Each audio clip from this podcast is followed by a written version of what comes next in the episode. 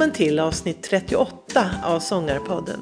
Avsnittet spelades in i maj 2021. Det här avsnittet sponsras av Icing, din sångtränare på nätet. Icing är lika enkel som suverän för dig som vill öva din sångröst och hålla igång den så att den låter bra. Våra välutbildade och erfarna sångpedagoger har spelat in sina bästa övningar. Du streamar dem i mobilen eller datorn och sjunger med. Så ofta du vill och var du vill. Du väljer. Gå till www.ising.se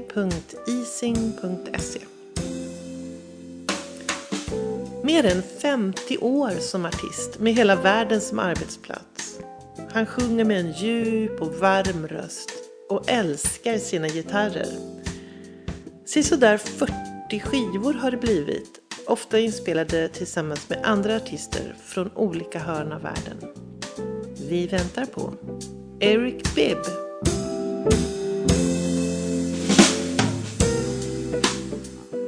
Välkommen till Sångarpodden. Tack Chris.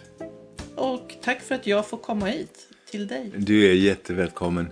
Ja, Vi gillar att ha gäster här ute på landet. ja.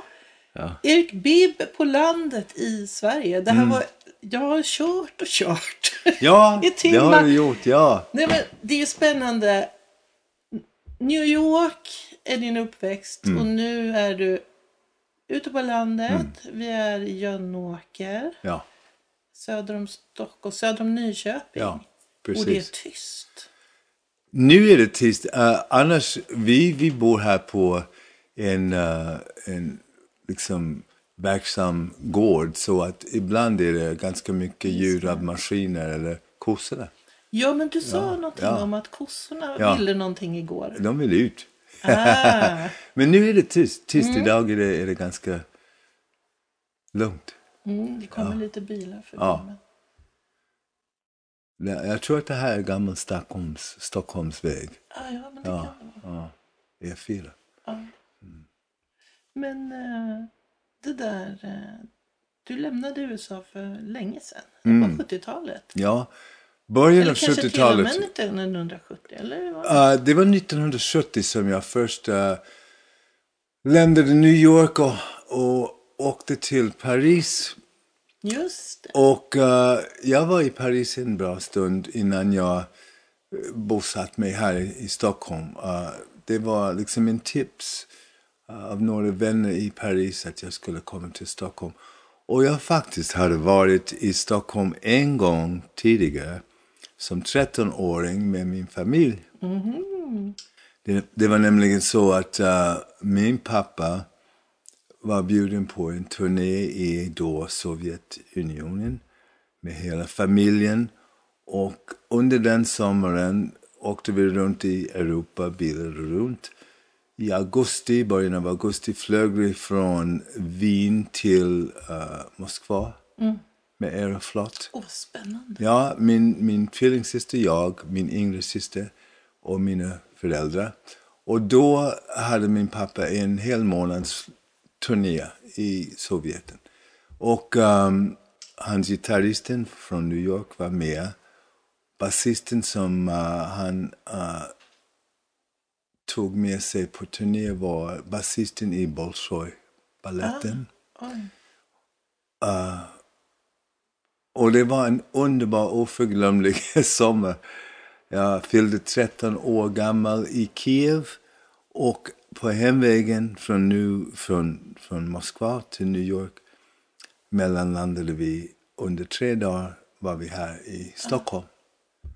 Och vi bodde på hotell Malmen. Vi åkte ut till Gröna Lund. Ja, vi lyssnade på Josh White, Josh White Jr. som tog uh, sin pappas uh, spelning där. Han hade blivit sjuk så Josh White Jr. kom in och riktade in. Och uh, det var uh, Sture Nordin på bas. Och jag kommer ihåg det satt en gammal man med en fiol utanför Gröna Lund och spelade där. Inte fiol, såg. Han spelade på en såg med eh, ett stråk. Och uh, gud, det var, det var en, som sagt, oförglömlig. Och inte, uh, det var fantastiskt att jag fick ett liksom, försmak på Sverige. Ja. Utan att veta att jag skulle liksom Du- komma tillbaka om 20 år. Liksom, Starta egna. Ja. Egen familj. Men alltså, vi ska inte fördjupa oss i det, men bara en 13-åring som får spendera en månad i Ja, Sovjetunionen. Ja, ja. Måste Just under kalla kriget. Ja, det Ja. var en afroamerikansk familj. Ja. Uh, vi, vi, we stuck out. Alltså, Mm. Det kan man ja, väl ja, tro. och folk var väldigt nyfikna och väldigt um, välkomnande. De, det var en underbar resa.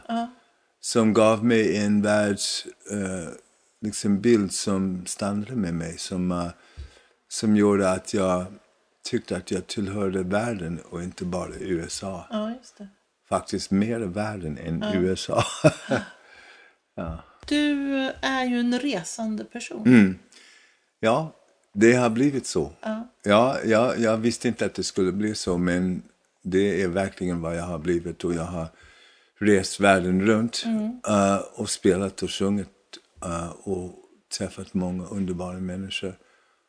Ja, och min tvillingsyster har stannat i hemtrakten hela sitt liv och haft en fantastisk karriär som ja, eh, lärare på en, en universitet. Men jag har rest världen runt, långt hemifrån. Precis. Mm. När man tittar på dina enormt stor skivproduktion. Och det Mm. kan vi säga att det också varit väldigt många år. Mm. Ja, precis. det Jag är håller ju på. 50 Ja. år som Ja, artist. jag är snart 70 år. Jag blev liksom, kan man säga, någon sorts uh, amatörproffs vid 16 år gammal i New York. Så, um, Ja, men, så du har redan ja. passerat 50 år som artist. Det är så gammalt. Ja, Ja. faktiskt. Um, märkligt nog, för Mm. tiden flyger iväg ibland. Men, um, jo, så uh, det har jag valt tydligen från början. Mm. det här, den här uh, resande liv. Ja, Jag tänker på när man tittar på dina skivor så ser man ju att de, du har spelat in också Mm. i olika länder. Och också spelat in med musiker Mm. i olika länder. Och ganska härligt med de här eh, återkoppling eller vad man ska Mm-hmm. säga då med eh, Västafrika Mm, och eh, Det har varit... ehm, vad som är märkligt med allt det där är att jag har fått alltså förvarningar kan man säga. Jag har sett min framtid alltså långt innan den sker liksom på eh, den här fysiska nivån. På något sätt har jag alltid fått ledtråd och det där med västafrikansk musik det började i det här livet med eh, en skiva som jag fick av min bästa vän Gene Becker. Gav mig en gul vinyl genomskinlig, liksom soulaktig vinylplatta med kormusik från Guinea. Som han köpte på eh, The World's Fair som var i New York under den tiden. Och eh, jag spelade den här musiken och kände igen den. Av någon konstig anledning. Jag sa till min vän, men det här, ja, ja, ja, det här är något, inte nytt. Ja, det här är hem. Eh, eh, och sen dess har jag följt um, särskilt kora-musiken från Västafrika, Gambia, Senegal, Mali och träffat olika kora-mästare från dessa länder och kollaborerat med dem. Så jag fick eh, liksom väldigt tidigt en, en tecken på att eh, det här är någonting som du, du ska följa och som ty, betyder mycket för dig eh, på olika sätt. och det är väldigt vackert när det bla- blir blandning. Mm. Ja, det tycker jag. Särskilt när det finns den här, för mig som uh, afroamerikan, uh, med den kulturen uh, med mig, det är alltid uh, den där stora frågetecken. Ja, jag vet att jag har växt upp i USA, Jag vet hur det ser ut för folk som är som jag, eh, svarta människor, hur de behandlas och hur det varit eh, med historiken och allting. Men just den där att man känner att det är inte bara det här som, som jag känner till och som är en del av mig. Det finns en liksom missing link. Mm. Where is the African? you know, where is that African? I know he's in there somewhere. uh, och sen genom musiken har jag verkligen, och genom att, att, resa till, uh, till olika länder i, i Afrika, uh, har jag verkligen känt uh, den där rejäla connection och uh, det var många frågor som blev ja, svarade på, men många andra som bara kom till. Mm. Nio frågor. Men det där med musiken och uh, hur man kan känna sig hemma i en kultur på grund av musiken. Mm. Man behöver inte vara uh, en del av det afrikanska diaspora. Det kan vara en svensk musiker som konstigt nog känner sig alldeles hemma i Grekland mm. med musiken och kulturen. Ja. Mm. Så uh, det har säkert med olika aspekter när man tänker på reinkarnation till exempel. Det är en spännande ämne som, som gör att man går och tänker på hur man kan känna sig väldigt nära en kultur som mm. är långt ifrån där man är född. Mm. mm. Eller någonting i musiken som slår an. Ja, precis. Precis. Uh, precis. Mm. Jag tänker på musik som att alla, man, det finns musik som man kan bli lite alltså indifferent till. Mm. Och sen är det vissa, mm. vissa artister eller vissa musikstilar som man bara... Precis. Det här är min... Det här är mitt. Ja, precis. Ja. Min grej. Det här är där jag hör hemma. Mm. Det här ska jag fördjupa mig i. Mm. Ja. ja. Men hur kändes det då när du Första gången du åkte till uh, mm. Västafrika mm. hörde, och mm. då, då hade du ju redan ja. liksom klart för dig. Eller ja, du, jag, jag var redan mm. insatt i det och, och, inte bara det intellektuellt. Jag, jag bara visste att um, det var någonting som uh, var en del av vem jag är. Mm. Och uh, när jag var inbjuden av um, Habib Kwate från, från Bamako, Mali, att spela in en skiva med honom där. Han är en underbar låtskrivare, sångare, gitarrist som faktiskt har mycket gemensamt med min uppväxt, eh, fast vi var på olika ställen på jorden. Uh, passion för gitarren och klassisk gitarr och även allt det där. Men att han var också väldigt intresserad av ehm, um, Malis olika musikkulturer. Och inte bara sin egen stam, men han reste runt landet runt och samlade olika musikstilar och sådär och gjorde till en härlig egen blandning. Mm. Det är ungefär någonting som jag kan känna igen uh, mig själv i, i det där. Att uh, bli sådär intresserad av uh, särskilt olika afroamerikanska folktraditioner, blues och gospel och så vidare och worksongs. Och, uh, och uppväxt med det och som låtskrivare tagit in dessa ingredienser och influenser och gjort något eget personligt. Som är ändå någonting som reflekterar en hel folkkultur fast den är personlig och ja. Mm jag tycker att jag har fått um, ja, en guldgruva alltså när det mm. gäller vad jag är uppväxt med musikaliskt och vad jag har fått lyssna på. Mm. Musiker som jag har fått träffa. Och ja. sådär. För din pappa var ju mm. musiker. Ja, en underbar sångare med en tränad röst. Han var, uh, han, ja. Han sjöng ja, han kunde sjunga lieder. Och, ja. uh, men han var intresserad av Broadway-scenen. Uh, och uh, när han kom från, åkte från uh, Louisville, Kentucky till New York som ung man för att bli en proffssångare, då var det Broadway som han ja, tyckte var målet. Men han var frustrerad för att um, ja, svarta sångare fick oftast sjunga i kören, fick inte de där rollerna som han var ute efter. Och så, så bestämde han sig att, för sig att, att han skulle gå sin egen väg med en folkmusikrepertoar som han ja, kände att var väldigt nära hans rötter. Han uh, sjöng spirituals, worksongs och ballader och även Broadway uh, stycken. Så.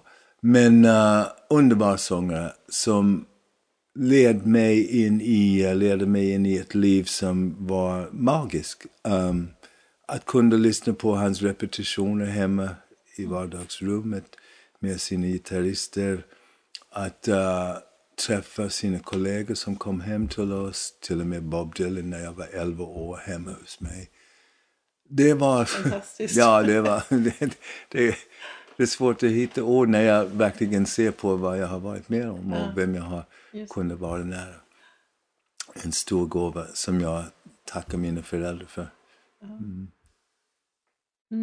Du har ju spelat in skivor också med Mm. din pappa så jag har lyssnat Ja, på hans ja, röst. ja, Ja, det är precis som du säger, han har ju en stor röst, ja, skolad ja. eh, och man kan verkligen höra vilken kraftfull Mm. stämma. Ja, hans eh, vän och mentor kan man säga var min gudfar Paul Robeson. Just det, som ni gjorde en tribute. Ja, till. till, ja, min pappa och jag gjorde en tribut till min gudfar. Paul Robeson, den där bassbariton sångaren, aktivist, aktör. Uh, som var en stor figur för min pappa och mig, och mig också. Um, så uh, ja, jag, jag har haft så många inspirerande uh, hjältar och hjältinnor, sheroes and heroes runt omkring mig hela mitt liv. Och uh, jag kan bara vara oerhört tacksamma, tacksam för, för alla dessa möten. Mm. Mm. Och när det gäller inspelningar, jag har faktiskt hunnit um, kollaborera med många av dem som var de största inspirationskällor för mig. Mavis Staples och Pop Staples och Taj Mahal och The Blind Boys of Alabama. Bonnie Raitt, min pappa. Odetta. Men hur känns det? Dina Det känns- idoler och förebilder och sen går du in i studion med dem. Ja, och de är där på, i bilder på, på väggen. Och, Ja. ja, det... Grejen är att det var inte så där uh, chockerande upplevelse för att jag har, innan jag kunde kollaborera med dem hade jag nog känt dem ett del. Uh, antingen genom min pappa eller på egen hand tog, tog uh, initiativen och, och ville lära känna dem och följde dem och, till konserter och olika. Så att, um, men det känns fantastiskt. Det känns, uh, det känns uh, som en förtrollad eh, musikresa. Ja. Fantastiskt. Ja, jag, jag, har många kollegor som, som jag som har upplevt ups and downs i den här konstiga branschen. Och, men eh, till slut kan jag bara säga att det har varit fantastiskt. Och jag är så glad att jag har varit med om det som jag har varit med om, träffat dem som jag har träffat och kunde, ja, ja, kom i kontakt med så många runt i världen.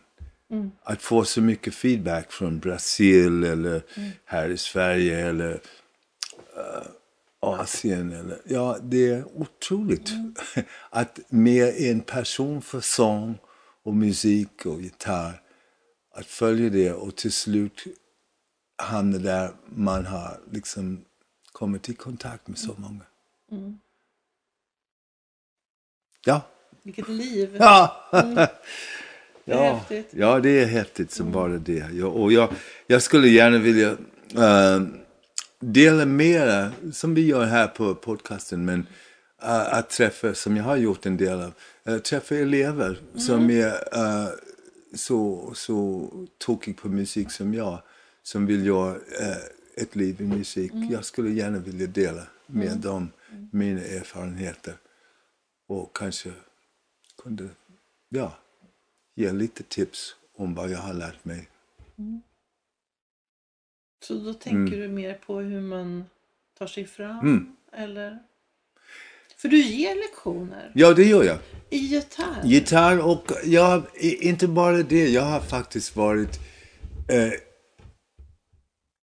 en gäst på olika musikskolor där jag pratar och sjunger. Men mest pratar och, och berättar saker som jag tycker är värt att, att, att, att veta när man vill ta sig fram i den här branschen. Mhm. Ja, vad som man ska undvika och se upp för och, och det som man ja, ska prioritera. Vad ska man prioritera då? Ärlighet som konstnär, som artist. Ärligheten. Det är viktigt. Urviktigt för att, att underhålla, det är en konst, det är en, en talang som behövs. Men i dessa tider, mer än så, tycker jag att vi behöver uh, någonting från alla konstnärer. Vi behöver ehm, kraft, inspiration och lust att förbättra den här underbara världen som trots allt underbara kan gå under på grund av girighet och ignorans och ja, idéer som är korkade som har varit med oss länge som vi behöver sudda ut ja, och ersätta med sanningen. Så ehm, för mig, den där förbindelsen mellan att göra musik, framföra musik, sjunga eller spela och, och ha ett meddelande bakom det som man sjunger eller spelar som uh, ena den här splittrade världen. Det är det viktigaste. Och det börjar med att vara en ärlig artist, det vill säga vad ni ger och delar med andra kommer från hjärtat och inte bara är prat om att vara känd. Ja, så tycker jag. jag försöker följa mina egna liksom predikande. ja, ibland känner jag som en, en gammaldags uh, predikant. Um, och det är okej. Jag tycker att det, det finns mycket som är bra med den där gospel preaching traditionen som har uh, sett till att en hel folk, ett helt folk har överlevt fantastiska förtryck och uh, genom sekler och att, att, att, att en hel kultur som jag kommer ifrån, afroamerikanska kulturen, har överlevt som uh, någonting som kan inspirera hela världen. Det är fantastiskt att under sådana omständigheter den här musiken har växt upp. Spirituals, blues, gospel, rhythm and blues, jazz. Allt det där som har liksom förtrollat hela världen. Och enat hela, hela världen. Att det kommer från ett folk som har ja, upplevt vad, vad afroamerikanska folket har upplevt. Det är någon sorts kosmisk revansch. Ja. Ja, det kan man verkligen. Mm. Jag tänker mycket på det. Ja. Nej, men jag vet att du är ju rotad, eller du kom ju via din släkt och din familj och din pappas engagemang ur den här medborgarrättsrörelsen Mm, ja. och verkligen från de här otroliga orättvisorna. Ja. Och, eh, och det har ju du på något sätt hållit kvar i. Också. Man, man känner det, att det är det centrala. Mm. Eller det är centralt för Mm. dig. Det är det. Och musiken är den underbara, magiska gåvan som vi har fått. uh, alla människor. Och uh, man får se till att man har den där djupa respekt och ja, passion för, för en sån där fantastisk gåva. Men det ska vara i tjänst för människors utveckling. Jag tycker att det är meningen. Din senaste singel, The Whole World. Whole world's, whole world's got the blues. Men är det så tycker du? Känns det så? Det är lite, lite dubbelentendre där för att för det mesta jag tänkte inte på pandemin när jag skrev den här låten för att jag skrev den innan den här pandemin kom. Men jag reflekterade på nyheterna som man är plågad med varje dag om man sätter på tv och ser konflikt efter konflikt. Vi är addicted to conflict. Alltså, det är inte bara det här. Det finns i nyheterna olika ställen på jorden där folk krigar mot varandra, bröder. Men det är också att vi underhåller oss med konflikt. Drama på tv som handlar om par som fightas, barn och föräldrar som fightas och kollegor. Och vi är liksom hooked on skrikande konflikter och, och våld. This is how we entertain ourselves. What the heck? Så ja, jag bara såg runt och, och tyckte att yeah, if the blues is lidande, if the blues is not understanding hur vi ska behandla vår nästa, then the whole world's got the blues. Men on the bright side, blues som musik, den underbara genre som vi kallar för blues, har som sagt enat hela världen i någon sorts musikfest. Alla älskar bluesen. Man kan höra bluesmusiker i Filippinerna, i Finland, i Sverige, i Frankrike. Alla spelar blues, älskar gamla blueshjältar och hjältinnor. Och um, så det var det som jag också menade att not only är det liksom svåra tider för oss alla runt om i, i världen. Men Whole World's Got the Blues är också... Ni kommer att gilla den här låten för att det är bluesen. Uh, framfört av en underbar gitarrist uh, som är gäst på den där singeln, Eric Gales. Som spelar som ja, en gud. Så, så jag är så glad att vi fick uh, dela den där singeln med, med världen. Kan blues vara glad? Absolut. Den där cartoon version of bluesen, I woke up this morning, my woman left me. all that, Det är en del av det. Det är klart. Men blues för mig är ett språk som är, är den perfekta uttryck för, för allting som händer man i livet. Gäller det sorg eller glädje, det sensuella eller även det andliga. För att den där skarpa linjen mellan det sekulära, blues och, och gospel finns inte i, i mina tankar eller mitt hjärta. Jag tycker att det, det är bara som Ray Charles sa, blues när man sjunger om sin baby och, och gospel när man sjunger om Herren.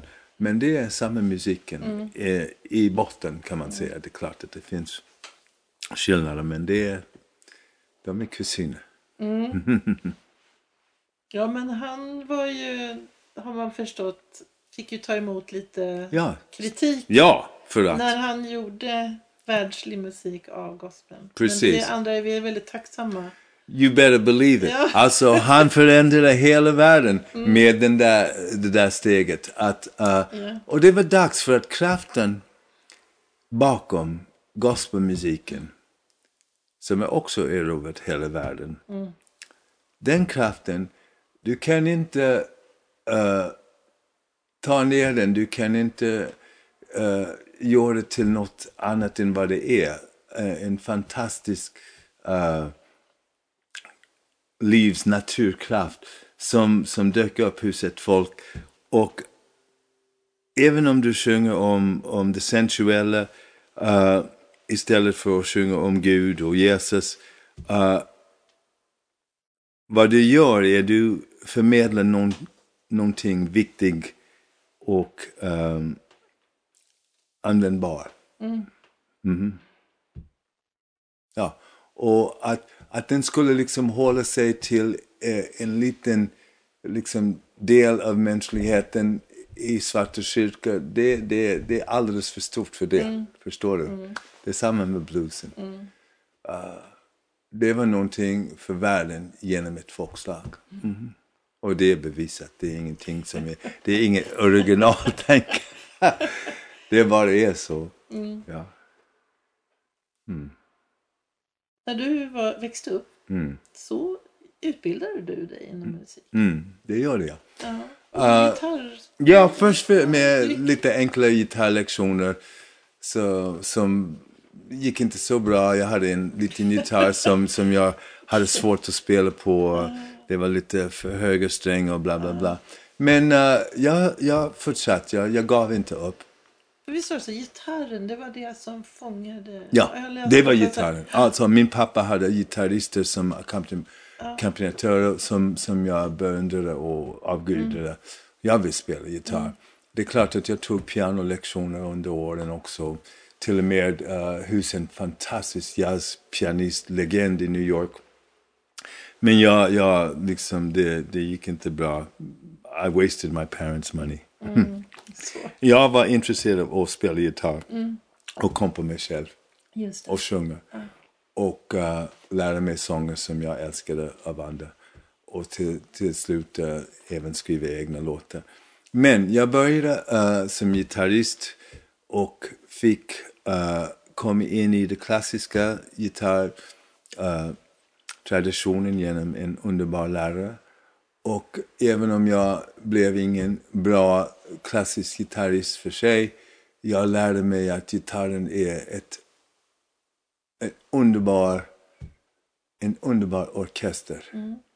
Och jag lärde mig att man kunde göra nästan vad som helst med en gitarr om man hade tålamod och, och, och liksom tog tid för att undersöka hur djupt man kan gå med den här instrumenten.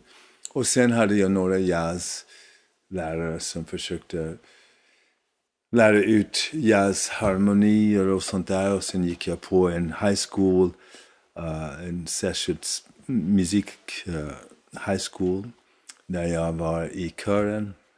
För, nej, först var jag som, i orkestern som basist, men jag blev trött på att konka hem mm -hmm. basisten över helgen. Så jag tänkte, okej, okay, jag, jag ska bli en, en sång uh, elev. Och jag blev en medlem i, i kören och sjöng uh, Händels Messiah med stor kör och orkester live på scen. Fantastisk upplevelse. Och uh, ja, så det var brett. Mm. Det var det. Och sen kom jag till Europa och, och började... Men, men ja. det här med alltså sången, för att det är också så här din... ja, okej. Okay. gitarren, gitarren var din liksom, ja. bebis. Men jag vill men, sjunga och komma ja, mig själv. Ja, och min, det... min hjälte var, var trubadurer och folksångare. Ja. Och även min pappas repertoar var en stor influens.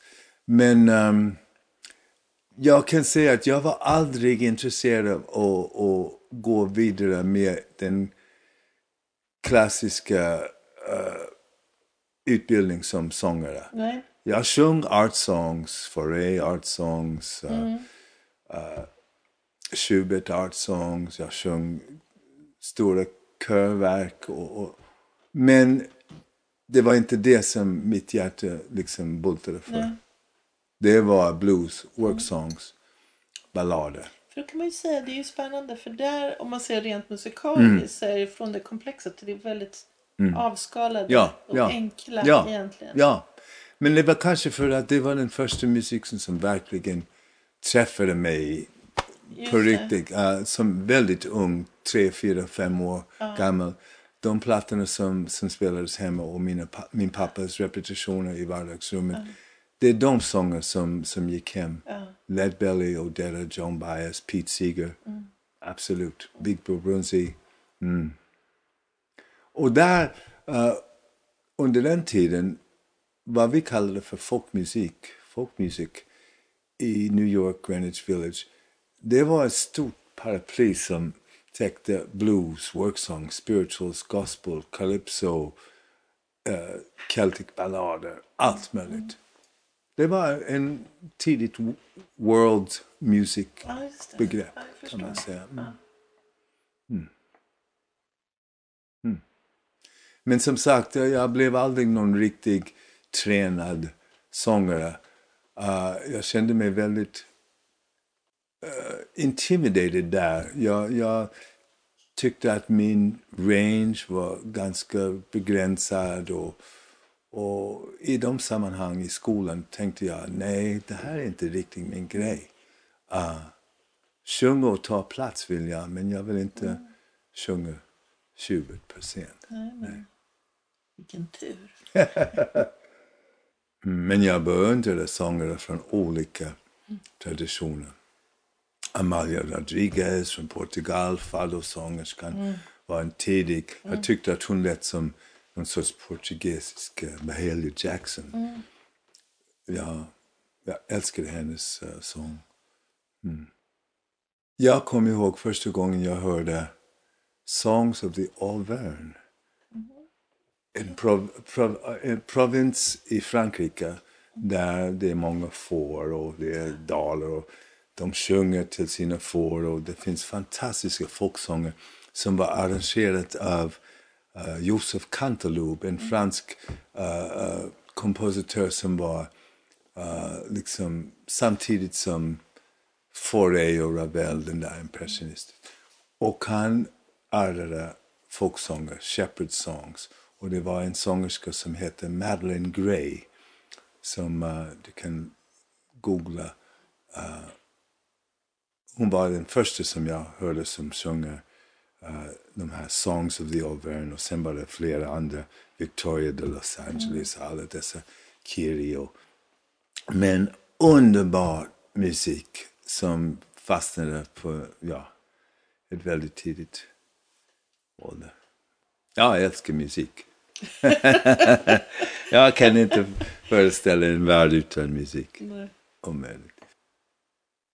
Och sen här i Sverige, det har varit... eh, jag har fått allt som jag skulle kunna liksom önskat när det gäller uh, närheten till musikälskare och, och lirare som spelar olika slags musik. Um, när jag först kom till Stockholm träffade jag Björn Hamrin, en munspelare, bluesmunspelare som hade en skivaffär på Barnhusgatan som heter uh, Early Bird Records. Och han hade den fantastiska, mest fantastiska samling av tidigt blues, pre-war blues. Jag levde på hans affär där och kunde banda av hans skivor och sådär.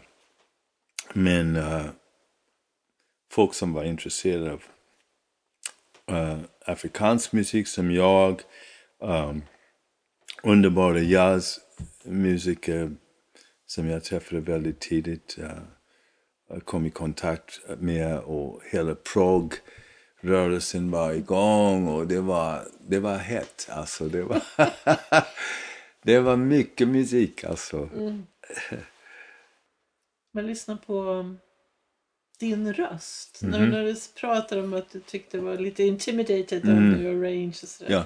Men så tänker jag, den, jag check, t- lyssnade på den tidigaste plattan som finns på Spotify. Ja. Jag vet inte vil, om det är den första eller inte. ja, med MNV, den där. 97 Okej, okej, jag. that was maybe the Opus 3-platta, ja. Ja, Ja, ja. och sen hur du låter nu Mm, så är det mm. en eh, otroligt fin röst från start. Oh, thank you. Jättefin. Mm. Och så, men den, det är ju ändå någon sorts röstlig utveckling. Ja! Oh, gud ja. Ja, det, jag kan säga att jag, jag känner nästan som jag är en ny sångare varje vecka. Mm. Uh, och uh, det är klart att det går söderut. Sång, det blir djupare och djupare. Men, men mest är det frågan om... Fast det är inte så farligt. Nej, nej, nej, nej. Och För mest det är också en, en sån där eh, man undrar över alla vi som börjar bli lite till åren Mm. Ja. och vill sjunga så är det ändå så här, oh, hur länge ska jag kunna Ja, sjunga? ja. Det verkar inte vara något problem kan jag säga.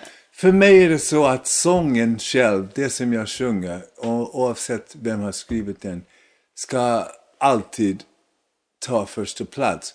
Och hur jag framför den, det är en, en bisak, det är väldigt viktigt. Men jag måste göra någonting som eh, är tjänst till sången. Så att eh, det handlar inte om att prestera. Det handlar inte om att imponera mer vad jag kan tekniskt.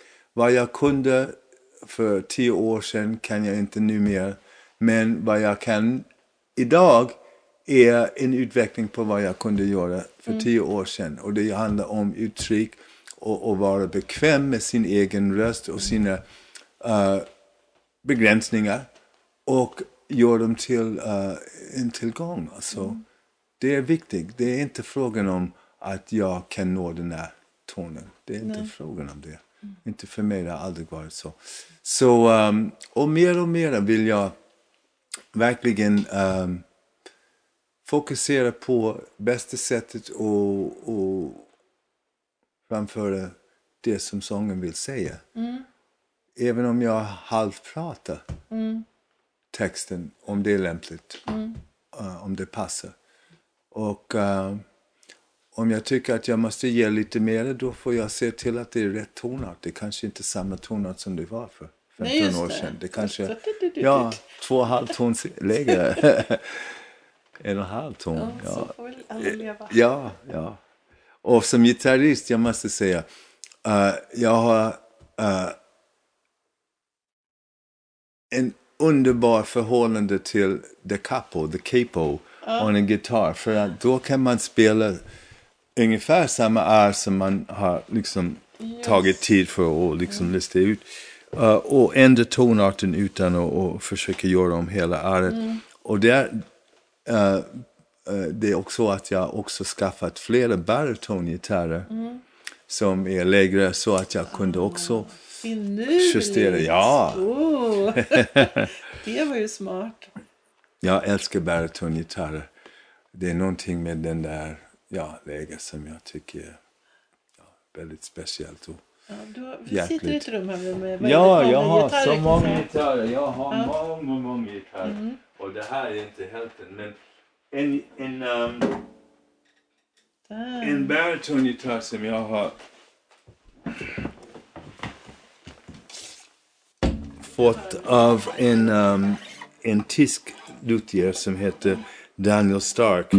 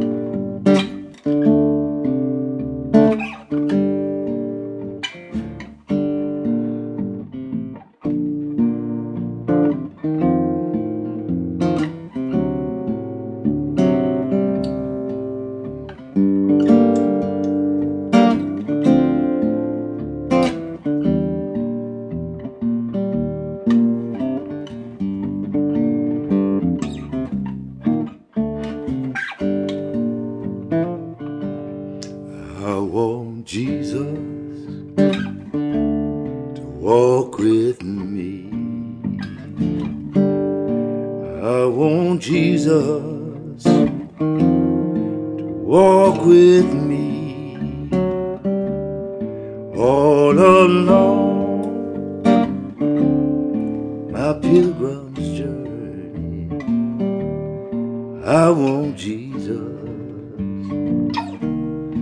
I want Jesus. I want the good Lord Jesus to come a walking, walk with me.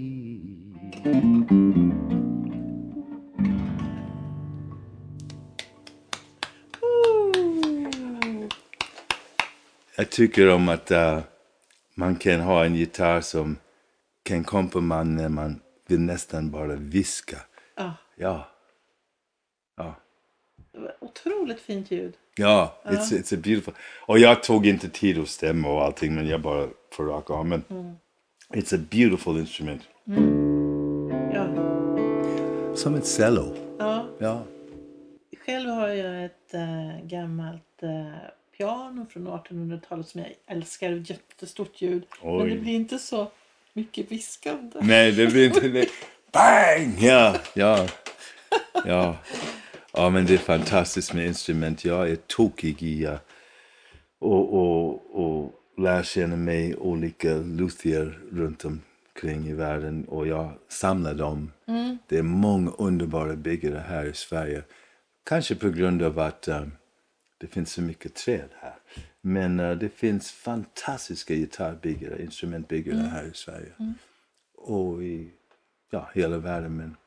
Men, det, men du gillar, det är mest akustisk Ja, gitarr. precis. Inte så mycket, Nej, nej, men det är lite stålsträngat. Och, Ja, ja, det är stålsträng. Eh, för det mesta är det stålsträng. Och jag, den här baritonen var nylonsträng och jag har flera nylonsträngde. Och, och jag började med, eh, när jag började plugga klassiska, då var det nylonsträngen. Men det är mest stålsträngade gitarr som jag använder. Men inte så mycket eh, så kallade elektriska gitarrer. Med uh, tunna strängar och skrikande ljud. Det tycker jag har en plats verkligen, men det är inte min grej. För det anlitar jag andra. ja. Du gjorde ju plattor med din pappa. Mm. Nu gör du saker med en av dina söner. Mm. Hur känns det? Det måste vara jättekul. Obeskrivligt underbart att och, och dela det där med min son Rennie. Och ehm, han eh, var en som min pappa var så imponerad av sin grandson. För att Rennie har eh, den där disciplin och ambition som min pappa hade. Jag känner mig lite mer som en bohem som uh, hippie troubadour blues. Ja, det har gått bra. Men eh, det tog tid för min pappa att- att att se att, eh, att jag verkligen visste vad jag höll på med. Men, um, men Rennie var som, som från början en dansare på Balettskolan, Operabalettskolan och um, var vän mer disciplin och, och träning. Och eh, uh, var redan som 15-16-åring eh, proffs som tjänade mer pengar än sina föräldrar, you know. och uh, jag kan bara beundra hans uh, hans dedication till konsten att vara en sång, en dansman, en skådespelare, en uh, som vill på scen, oavsett om han är bakom kulisserna eller inte, vill säga någonting. Uh, och samtidigt ha en fantastisk uh, begåvning att bara helt enkelt underhålla. Med en glädje som tillhör en andra, annan tid. Really old school, Fred Astaire, Gene Kelly type of guy. Um, yeah. Ja, det, det, och jag visste inte att Rennie skulle liksom bli proffsmusiker och underhållare. Uh, det är ingenting som jag blev direkt uppmuntrad till av mina föräldrar. Jag tror att de ville att jag skulle göra något annat. De visste hur svårt det var det. och sådär. Och så det var ingenting som vi pressade på Rennie. Det var bara att uh, han hade så mycket energi. Hans mamma såg från början när han var typ fem, vi måste göra någonting. Just det. Ja, vi kanske gymnast eller dans eller någonting. Och så hamnade han på dansskolan. Ja. Ja, han är ju jätteduktig. Mm. Men det ni gjorde tillsammans, det var en show. Ja, om- Tales from a Blues Brother. Ja, och jag missade den tyvär. Okej. Den fanns på SVT. Ja, just det. Men eh, nu är den inte Är det inte där, borta? Vi kan bara- se till att du, du får se Ja, den. Ja, vi har nog någon länk någonstans. Um, men jag kan bara säga till Rennie uh, tusen tack för att han tyckte att jag hade någonting att berätta bortom bara musiken. Han ville att jag skulle berätta hur jag lämnade USA, kom till Sverige, blev till proffsmusiker, reste världen runt, upplevde ditt och datt och bör, uh, bildade någon barnkö ute i Rinkeby. Allt det där ville han att folk ska veta mer om. Och jag tyckte att det var en bra idé men jag skulle inte själv ha tagit initiativ. Nej. Det tog någon annan. Och han var väldigt, väldigt uh, klar om saken. Så uh, han uh, ja, sa du, du får jobba med några andra som jag tycker är lämpliga kollegor för dig. Uh, och Rennie var med och, och liksom redigera och, och uh, producera. Så hade vi faktiskt till slut bara en kväll på Storan i Göteborg där vi kunde filma med återkamera och sådär. Mm. Det var en gamble så att säga mm. för att uh, man brukar vilja ha flera kvällar och sen ta det bästa av. Men det var verkligen the hot seat. Och, um, och Rennie... Rennie, Rennie då fick ja, du skärpa till Ja, ja och tack och lov gick det bra. Det gick bra och sen lyckades Rennie um, förhandla med Sveriges Television och få dem att få uh, rättigheter och, och, och licens det här uh, enmans teaterföreställning. 90 minuter i prime time, mm. Sveriges Television. Bra. Vi tackar. Men jag tycker nog att SVT kunde låta det ligga kvar. Ja. Det är många program av sämre slag som får ligga länge. Så. Vi får se. Jag ska prata med Rennie. Det kanske går att göra något åt det. För ja. att jag tycker också att det, det, det är aktuellt fortfarande ja. och, och uh, det skulle bli bra. Mm. Så vi får se. Mm. Men jag jag kan bara säga Rennie, du, du, du gjorde mig en stor grej. Um, du gav mig en gåva som utöver vad det betyder professionellt, det var personligt viktigt mm. för mig att kunna verkligen mm. dela med mig min story där. Mm. Jag ser fram emot det. Ja, we'll see. vi kommer att se till att du får det. Ja, snällt. Jag, jag tror att Ulrika vet hur man kan jag tror att hon har en länk kvar någonstans. Ja. Ulrika, ja. Mm. Som sitter ganska nära oss. Hon sitter där i köket. Och hennes stämma kan man glädja sig över. Mm. Hallå älskling. ja, att kunna sjunga med min fru. Och som jag gör på scen på turné när vi var ute i världen. Och nu gör vi uh, hemma på våran uh, Patreon-page. Men vi, uh, vi älskar att sjunga tillsammans och har fått så mycket underbar feedback um, på hennes sång. och det som vi gör tillsammans. Så det, uh, kunde det är inte vara bättre. Ja, jag menar det. Jag menar det. Det kunde inte vara bättre. Mm. Det, uh, jag är glad över att vi fick uh, turnera tillsammans eh, även en del eh, innan pandemin slog till. Så att vi fick den, den där erfarenheten att vara på internationella scen tillsammans. Um, och att hon kunde få den uppskattningen som, som uh, hon förtjänar. Uh, det är annat än, än att stå bakom dörren i flickrummet och sjunger till ABBA och det är en mm. annan sak. Kommer ut och sjunger på operahuset i Belfast och wow. ja, det, mm. det har varit fantastiskt. Det, mm. Ni har gjort en fantastisk skiva som ligger här. Fick. Den är jag så stolt över och ja, men den är glad så för. fin. Praising love. Praising love, yeah.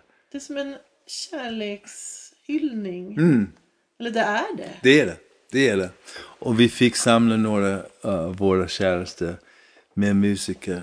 Mats Öberg och André Delang och ja, det finns så många otroliga musiker här omkring. Uh, Esbjörn Hazelius, ja. Olle Linder.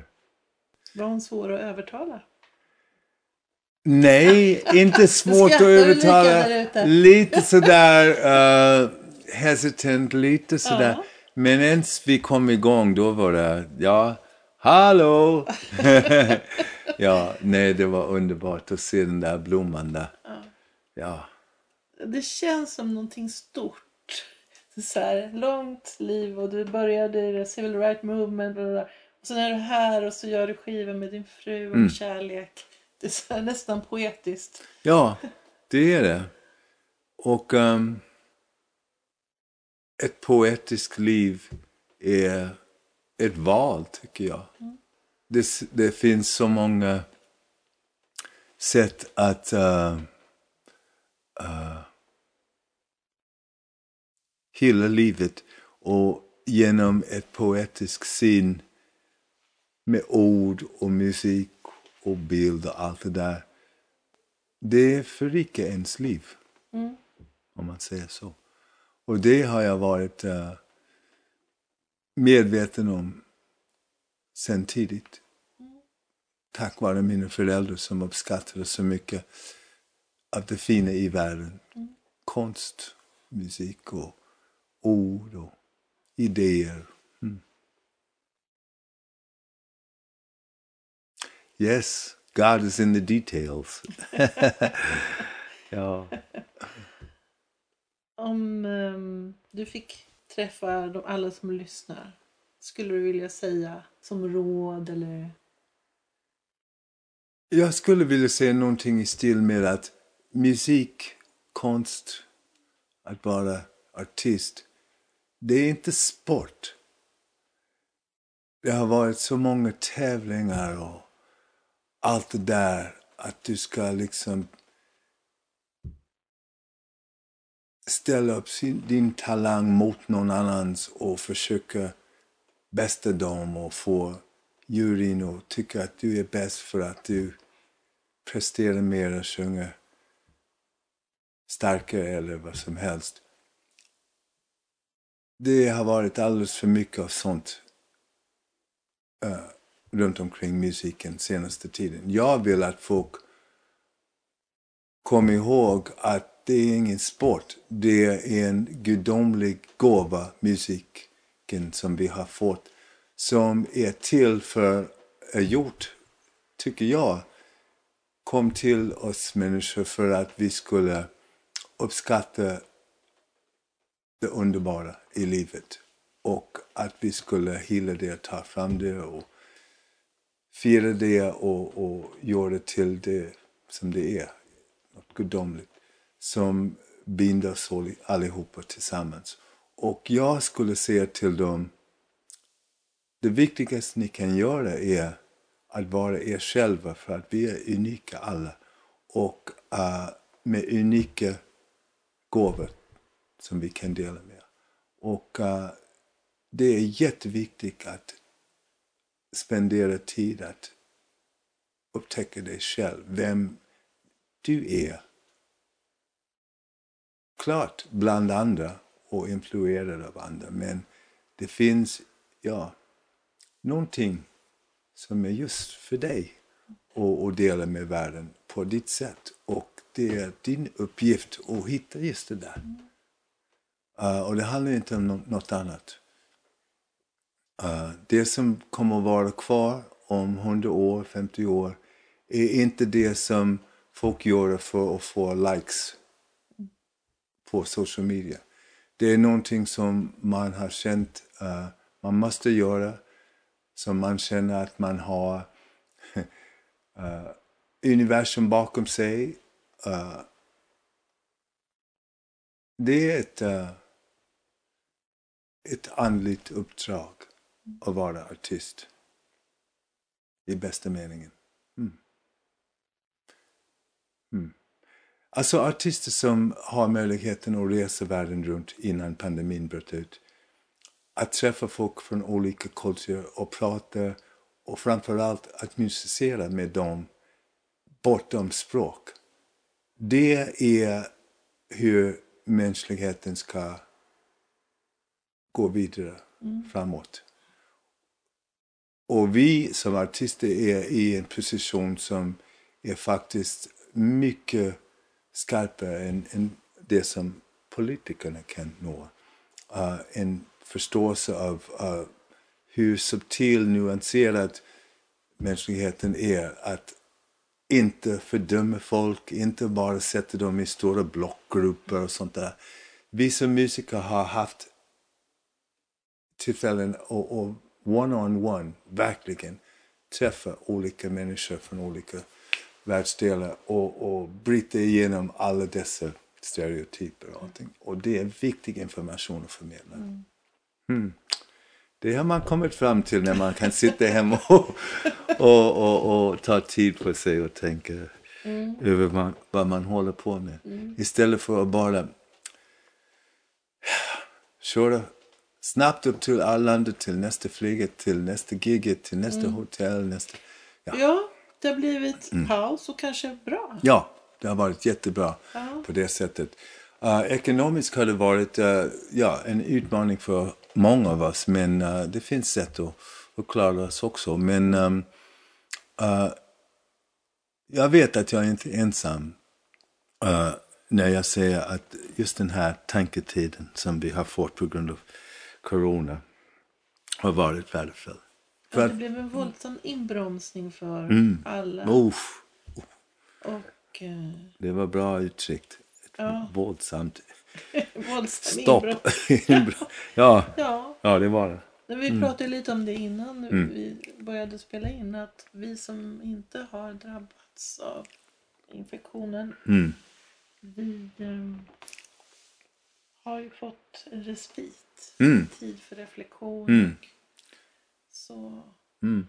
Dags att time to, to verkligen ta reda på vad som är viktigast. Ja. Det är jättebra att få uh, istället för att bara fortsätta fortsätta som man kan göra. Som en, ja. du vet, treadmill. Men, Men har, uh, börjat, har ju, vi börjat få vaccinering. Mm. Vi du har fått en, en. och jag också mm. fått en. Och snart ja. Så får vi se om det här året har lärt oss någonting. Eller ja. om vi kommer att springa in i ekorrhjulet igen.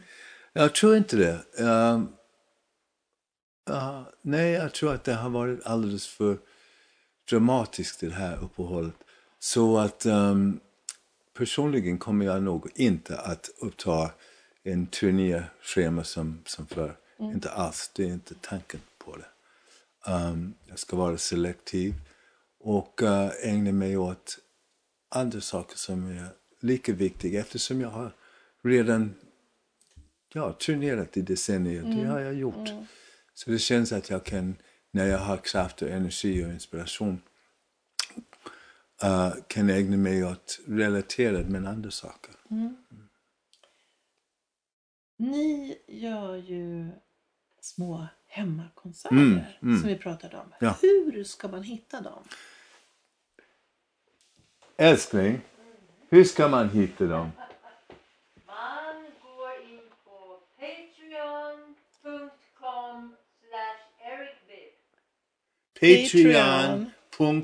Patreon.com slash ericbibb.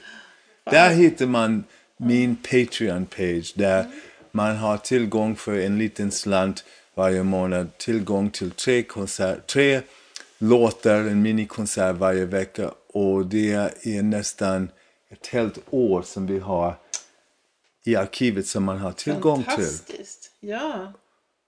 Jag tänkte, hur många artister som jag älskar har spelat in nästan 50 minikonserter som är liksom tillgängligt. Nej, det är fantastiskt. Det såg jag inte när hela kom igång. Ja, hur ska vi göra det? Vad ska vi göra?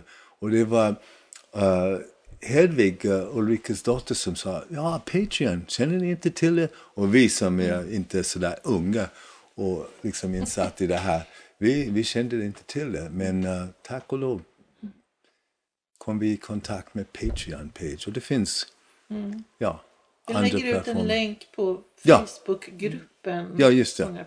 Ja. Mm. Och sen man måste liksom joina och sådär. Men det är ganska lätt som sagt. Patreon.com slash ericbibb. och uh, mycket är liksom word of mouth. Någon som kommer på att uh, det här finns, tycker om det och berättar för en vän. Och, mm. Som sagt. Mm. Och det tycker jag är kanonbra, det där organiska växling. För.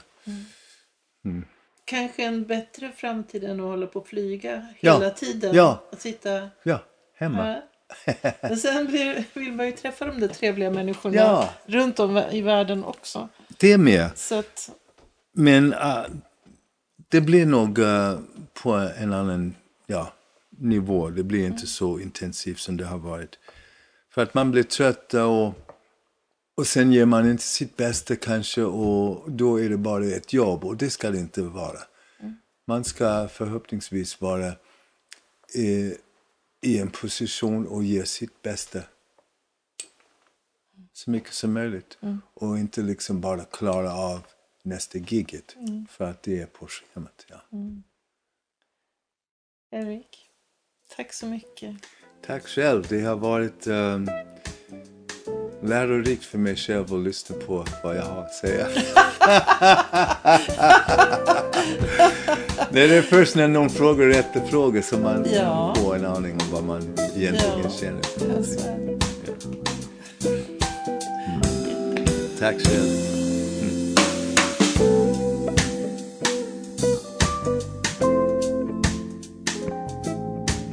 Du har lyssnat på Sångarpodden. Vill du ha mer information eller få länkar till artister med mera så gå då till vår egen webbplats www.sangarpodden.se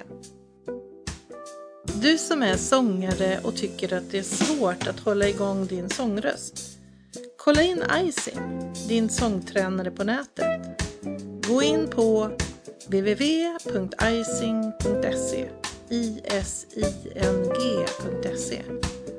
så får du veta mera. Vi hörs!